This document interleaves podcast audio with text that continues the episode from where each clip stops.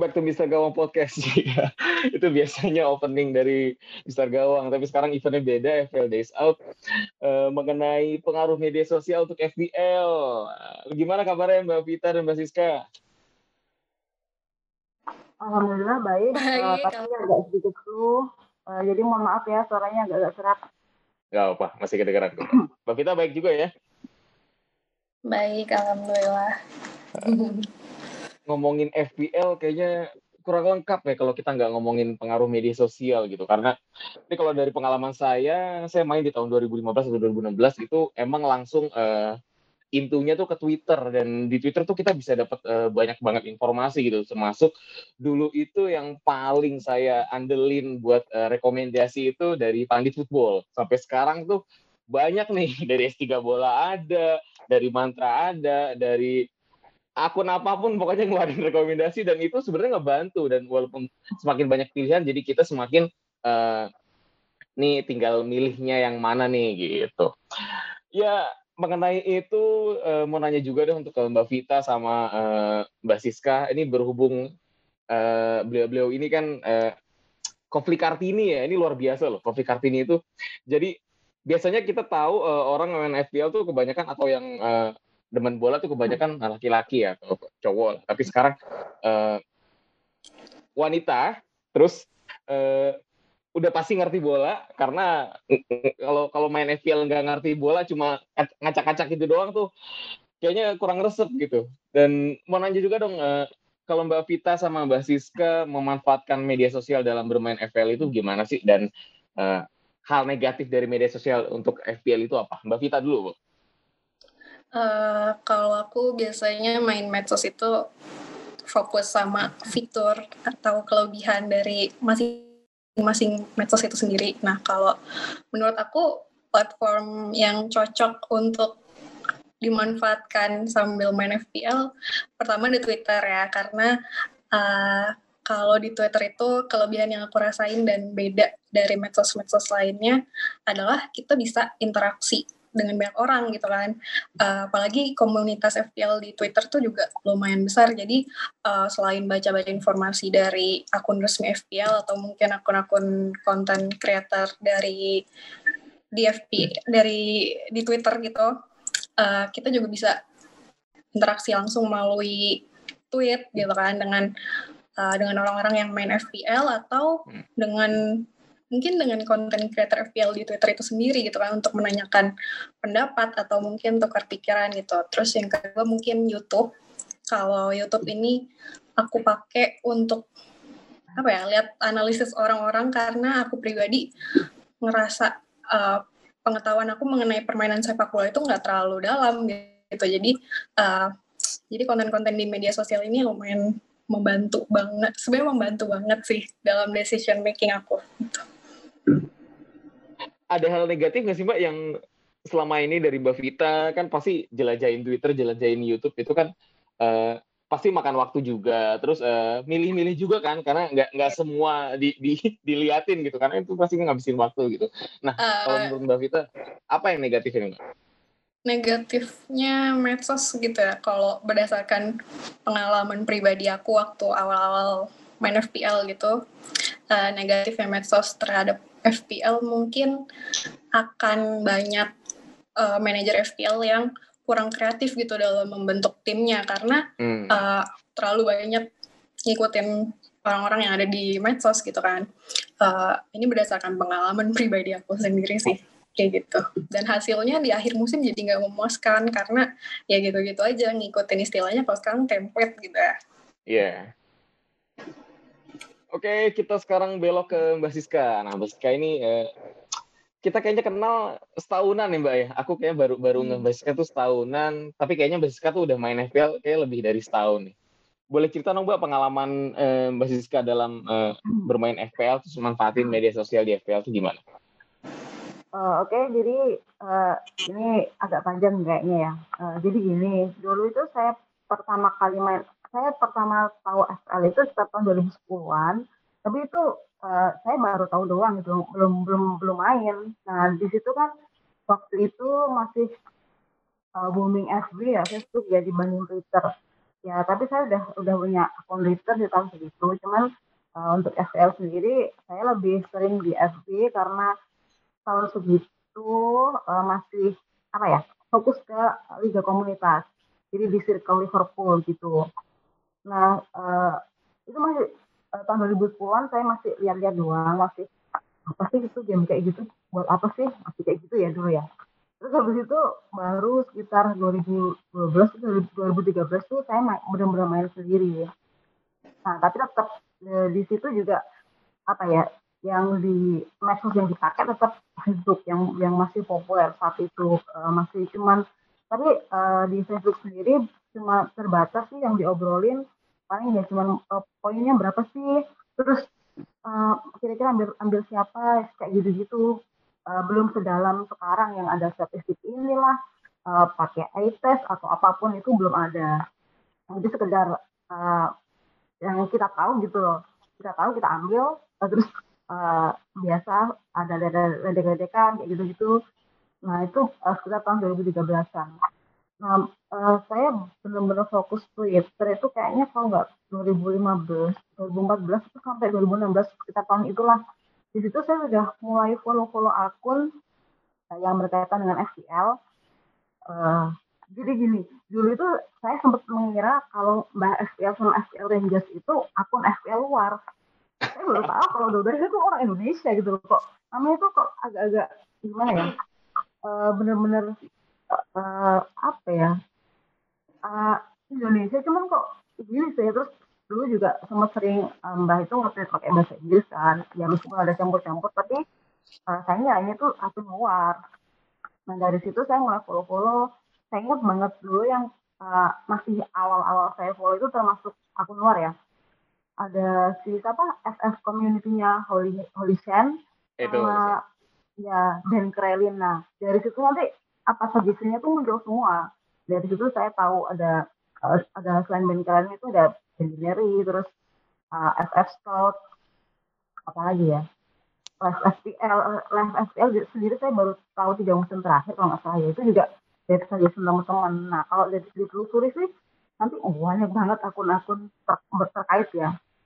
Uh, itu awalnya kayak gitu. Uh, terus baru uh, mulai ya mungkin mulai saya kuliah itu saya konsisten di Twitter uh, dari dari random apalagi soal FPL Nah dari dari situ uh, di Twitter juga infonya banyak sekali kan. Jadi kita bisa benar-benar memanfaatkan uh, arus informasi uh, eh, FPL yang ada di Twitter. Ya meskipun tahun segitu juga infonya nggak semasif sekarang. Sekarang kan hmm. apa ya kayak tiap akun itu nggak nggak terbatas akun besar, ada akun kecil uh, seperti apa ya contohnya yang banyak sih, saya agak-agak lupa. Itu juga ada share analisa atau mungkin uh, apa namanya ada lainnya start kayak gitu nah dari situ kita bisa apa ya uh, memanfaatkan medsos buat lebih menggali informasi soal FPL entah dari fixtures atau dari mungkin ada theory update uh, uh, terus apa yang odd scoring atau clean sheet yang sekarang lagi yeah. yang sudah beberapa musim terakhir ini dipopulerkan sama FPL salah kayak gitu ya. Itu juga sangat membantu belum lagi kalau ada analisa-analisa gitu kayak Red Kaiser, uh, eh, FF Scott kayak gitu kan. Itu uh, sangat membantu uh, decision making di FPL sendiri buat saya ya khususnya. Uh, kalau apa selain Twitter, YouTube uh, mungkin juga ada sih mereka juga yang di Twitter rata-rata juga punya YouTube. Uh, tapi kalau saya pribadi saya saya uh, prefer baca thread di Twitter daripada nonton YouTube ya. Apa ya kalau baca itu kayak informasinya tuh lebih jelas lebih terserap gitu. Jadi kalau mau nyatet atau mau apa juga lebih enak. Nggak ngulang-ngulang ya. Hmm, bener jadi kan eh, apa namanya nanti juga catatannya lebih rinci kita juga bisa lihat bolak-balik gitu kalau misalnya apa oh, kayaknya ada kelewatan ya. Coba sih dibaca lagi. Kalau YouTube kan nanti uh, ngulangin tadi sampai mana ya sampai mana ya. Itu yang bikin saya lebih suka baca Twitter baca tweet ya sepanjang apa pun. Tetap saya baca daripada nonton video yang mungkin bisa dibilang uh, rata-rata kalau ada analisanya di YouTube itu paling nggak satu jam ya. Waduh itu lama banget. Nonton film ya jadinya ya kalau belajar tuh kan bisa bisa sambil dicicil kayak gitu kan. Bener. Nah, nah, manfaatnya itu tadi bisa bisa membantu soal uh, apa injury update, terus clean sheet atau scoring, uh, picture itu manfaatnya. Uh, kalau untuk negatif di sini saya ada dua hal sih kayaknya datanya. Yang pertama itu uh, lebih ke teknis FPL-nya ada yang uh, lagi hits ya sekarang ini ada FPL racun. Wah itu bahaya banget itu buat poin. Jadi kalau misalnya apalagi kalau sekarang kan termasuk yang baru-baru itu kayak mereka masih belum masih belajar gitu kan. Masih belum belum benar-benar bisa memfilter info kayak gitu. Jadi kalau misalnya udah ambil pemain ini aja nih bagus-bagus. Eh ternyata tuh belum. Itu kan kayak gimana ya? Ya kalau misalnya teman sendiri sih oke nggak apa-apa. Tapi kalau misalnya teman baru tuh kayaknya kok kasihan gitu itu yang dan apa ya uh, salah satu hal negatif dari medsos itu salah satunya FPL racun yang benar-benar ngefek ke poin FPL sendiri. Uh, yang kedua ada uh, jadi kan di, di medsos itu kan kita biasanya diskusi ya diskusi sharing uh, apa saling saling uh, share insight masing-masing kan soalnya kan pasti sudut tanya pandangnya beda. Nah kalau diskusi kayak gitu tuh mungkin bagus ya buat kita sendiri ya. Uh, masalahnya itu nggak uh, tiap orang itu bisa sharing uh, dengan kayak gitu. Jadi kayak kalau misalnya uh, kita share pendapat gitu eh tahu-tahu di diskusi apa sih kamu kayak gini gini harusnya nggak gitu. Nah kayak gitu tuh kadang-kadang secara nggak langsung tuh apa ya bisa menimbulkan efek buruk buat psikologi gitu loh. Yeah. Jadi kayak kalau cuma buat FPL sih ya mungkin nggak apa-apa. Tapi kalau misalnya udah diledekin kayak gitu di medsos dibaca orang banyak itu kayaknya kok itu jatuhin banget. Nah itu salah satu salah, hal kedua yang menurut saya buruk dari FPL ya jadi kalau untuk medsos sendiri mungkin bagus untuk diskusi dan uh, kalau yang apa ya menjatuhkan tadi oke lah itu netizen ya kita nggak bisa ngatur. Jadi ya ya udahlah. Gimana kita sendiri nanti. Gitu. Oke. okay. Uh, eh, thank you Mbak Vi, uh, Mbak Siska dan Mbak Vita nih uh, jelas banget penjelasannya mengenai pengaruh media sosial untuk FBL gitu langsung uh, langsung ke pertanyaan kedua uh, masing-masing uh, rekomendasikan uh, dua akun FBL uh, yang uh, bisa diikuti uh, mau YouTube mau uh, Twitter atau sosial media lain juga nggak apa-apa. Dan eh, penting nggak sih kita nanyain eh, sesuatu hal ke akun tersebut gitu. Dari Mbak Vita dulu mungkin. Uh, mungkin kalau rekomendasi akun uh, tadi udah beberapa disebutin sama Mbak Siska. Uh, terus mungkin kalau dari luar aku follow Let's Talk FPL tuh juga di YouTube juga aku subscribe. Nah terus hmm, penting apa enggaknya nanyain pendapat ke orang lain menurut aku penting sih. Tadi aku udah nyebutin kalau misalnya negatifnya medsos itu bikin kita mungkin jadi kurang kreatif dalam membentuk yeah. tim, tapi uh, dengan harusnya dengan medsos itu sendiri juga kita bisa memanfaatkan medsos itu untuk uh, bertukar pikiran mungkin ya dan menanyakan pendapat orang lain.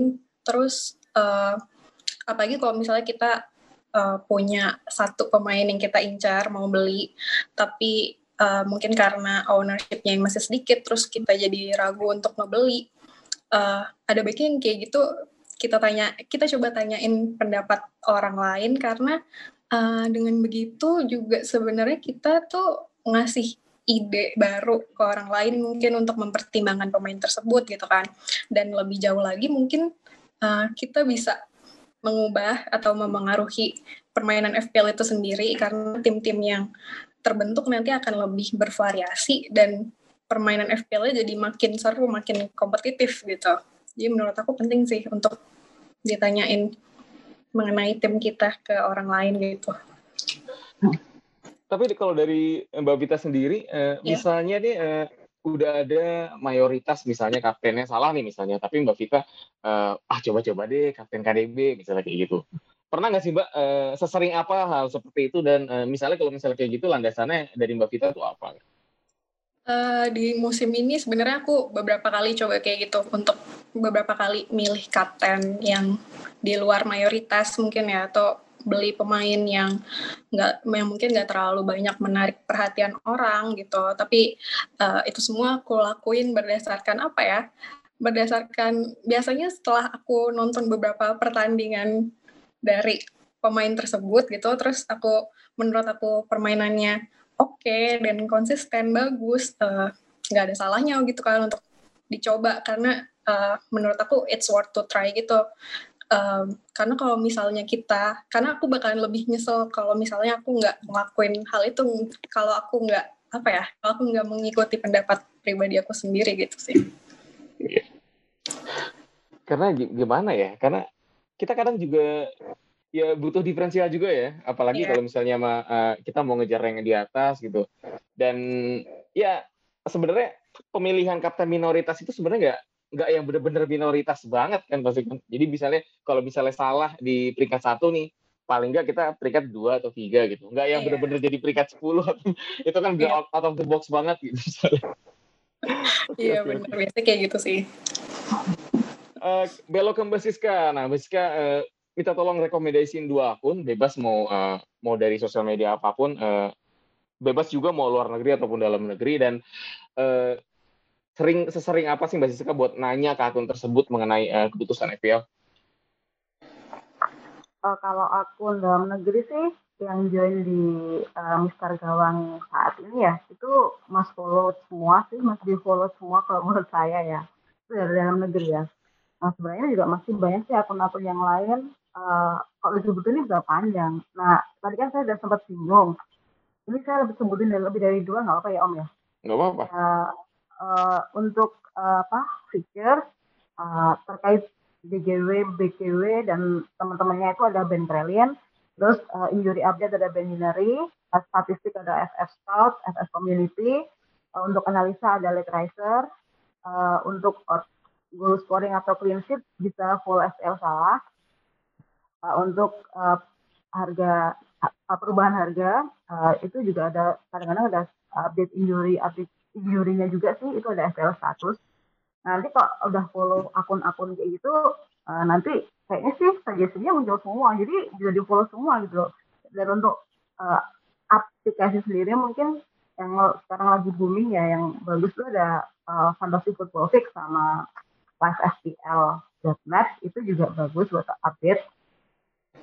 Uh, itu hmm, terus tadi berapa eh, berapa seberapa penting ya nanya keputusan kepada uh, itu di medsos. Kalau saya sih butuh second opinion aja. Jadi kalau misalnya saat itu saya udah habis baca-baca, biasanya saya baca-baca dulu, udah oke. Okay. Soalnya saya juga jarang nonton, tergantung sih. Nah itu biasanya saya baca-baca dulu sampai sampai benar-benar oke okay lah ini. Kalau terus lihat lihat picture, kalau misalnya nggak yakin baru nanya di Twitter. Biasanya itu ada apa sharing ya gitu. Jadi saling berbagi insight. Dan insight dari teman-teman itu kadang-kadang juga penting buat saya yang enggak 100% nonton. Nah dari dari insight itu nanti kita bisa uh, lebih uh, berhati-hati di decision making. Uh, dari situ uh, tapi penting nggak penting tergantung manajer sendiri sih. Kita soalnya kan kita sendiri yang tahu kondisi tim. Nah dari kalau uh, misalnya uh, dari pemilihan kapten saya sampai saat ini saya cenderung gak berani ambil kapten uh, selain pemain selain premium. Saya belum berani ambil kapten diferensial. Tapi misalnya defender kelima atau ketiga mungkin oke okay lah kalau satu atau salah dua dari mereka itu ambil pemain diferensial. Soalnya gimana pun uh, pemain itu di harga premium itu bukan tanpa alasan gitu. Jadi uh, apa ya jadi ya hmm, hmm, habis ya habis misalnya nanya-nanya ada insight atau second opinion opinion itu uh, keputusan terakhir ada di kita kita sendiri yang bisa menentukan uh, gimana sih nanti tim kita tuh jalannya kayak gimana uh, pakai uh, formasi apa kayak gitu gitu jadi sebenarnya kalau kalau dari pengalaman itu eh, Mbak Siska juga ngejelasin juga nih secara nggak langsung nih kalau misalnya uh, sering juga yang ngambil uh, keputusan yang memang uh, bukan mayoritas gitu. Jadi karena Mbak Siska udah punya pilihan sendiri gitu. Uh, menarik nih pembahasan uh, pengaruh media sosial untuk FPL gitu. Karena waktunya juga nggak banyak gitu. Mungkin nanti di next uh, event uh, bakal ngundang lagi nih khusus nih nanti uh, Mister teman-teman Mister Gawang yang lain. Uh, saya juga penasaran nih uh, karena kalau saya pribadi ya ngelihat uh, pengaruh media sosial untuk FPL ini kan sangat-sangat besar gitu. Jadi uh, pengaruh juga buat pengambilan keputusan saya gitu dan saya juga penasaran apakah di luar sana ada yang uh, overall ranknya tinggi atau poinnya tinggi, tapi uh, dia nggak ngelihat sosmed sama sekali gitu. Dan itu mungkin kalau misalnya memang teman-teman di sini ada yang tahu, uh, bisa info kita juga mungkin uh, next next oh, next time kita bisa invite juga ke Mister Gawang dan uh, bisa ngobrol-ngobrol juga gimana caranya wangsit apa yang Doi dapetin. Doi itu nggak ngeliat sosmed, dia nggak tahu nih pemain cedera apa atau dia juga nggak tahu misalnya kisi-kisi uh, starting line up. Bener kan? Itu itu penting loh. Jadi tapi tapi kita tahu uh, musim ini kan starting line kan uh, lebih maju ya satu setengah jam ya. Beda sama musim lalu yang cuma satu satu jam sebelumnya dan uh, ya banyak banyak yang uh, kecelak juga di, di situ gitu. Dan ya mudah-mudahan ini sih mudah-mudahan uh, bisa membuat dampak yang lebih bagus lagi dan lebih meminimalisir negatif uh, dari pengaruh media sosial untuk FPL gitu. Thank you Mbak Vita, Mbak Siska atas uh, waktunya. Uh, semoga kapan-kapan bisa main lagi di Mister Gawang ya. Waktu itu pernah main ya, tapi sayanya nggak ada. iya. Oke. Okay. Uh, thank you juga. Semoga panah hijau di game-game berikutnya gitu. Dan ya, Mister Gawang cabut. Thank you Mbak Vita, thank you Mbak Siska. Thank you. Yeah.